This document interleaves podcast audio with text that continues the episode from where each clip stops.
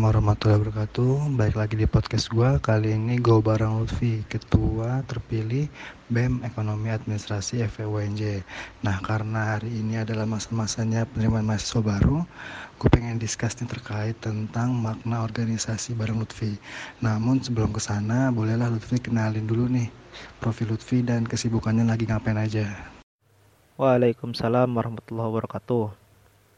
Oke, sebelumnya gue pengen ngucapin makasih banyak buat KOO yang udah mau diskusi sama gue gitu. Tapi gue ada gak enaknya juga sih. Soalnya seharusnya yang jadi narasumber itu KOO gitu dibanding gue gue gak ada apa-apanya soalnya. Oke pertama ya kenalin nama gue Lutfi Rasnadi. Gue mahasiswa aktif angkatan 2018 di Prodi Pendidikan AP Fakultas Ekonomi UNJ dan kesibukan gue saat ini sama seperti mahasiswa lainnya jalanin perkuliahan jarak jauh dan aktif di kepengurusan Badan Eksekutif Mahasiswa Prodi Ekonomi dan Administrasi 2020. Nah, lanjut ya kan hari-hari ini nih lagi masa-masanya penerimaan mahasiswa baru.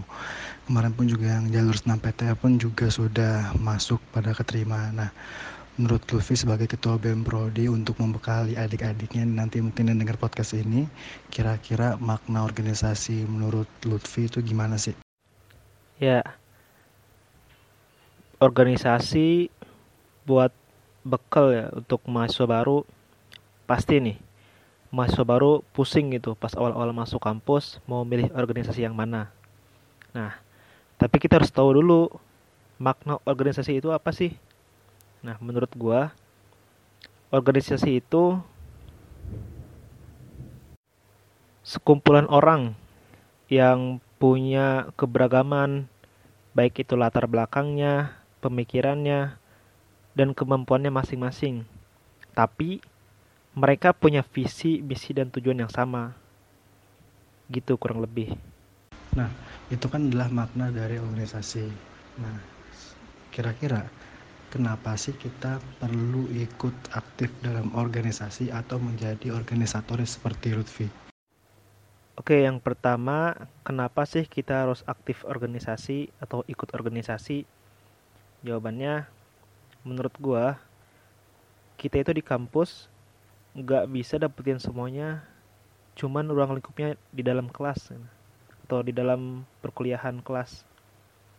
Tapi kita juga harus bisa dong mengeksplor apa sih kemampuan kita.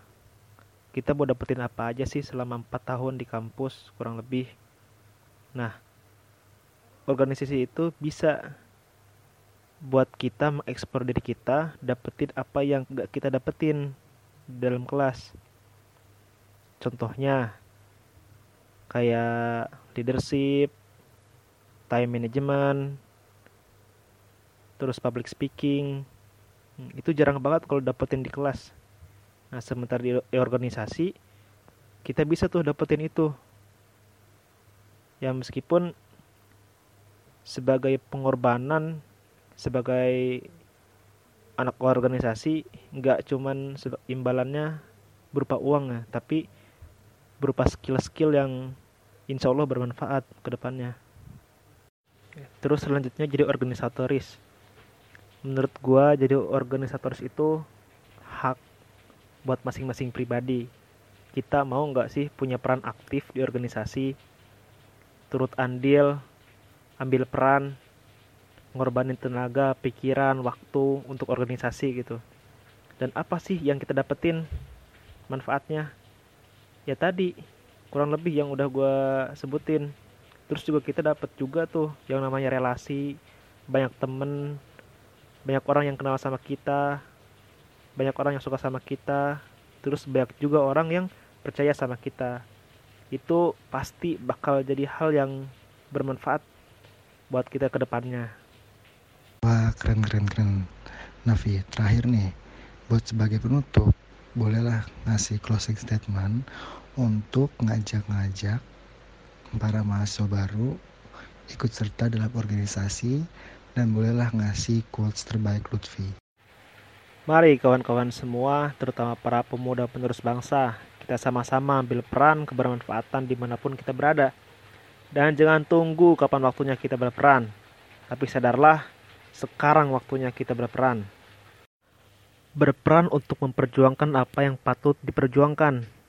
Ada yang bilang, life is a struggle. There is no life without struggle. Yang artinya hidup adalah perjuangan. Gak ada hidup tanpa perjuangan. So, hidup kita harus punya tujuan, harus punya makna, dan merencanakan mau dibawa ke mana arah hidup kita. Yang pastinya mencapai hidup sesuai apa yang kita impikan. Oke, makasih juga Kak Oo untuk waktunya. Wassalamualaikum warahmatullahi wabarakatuh.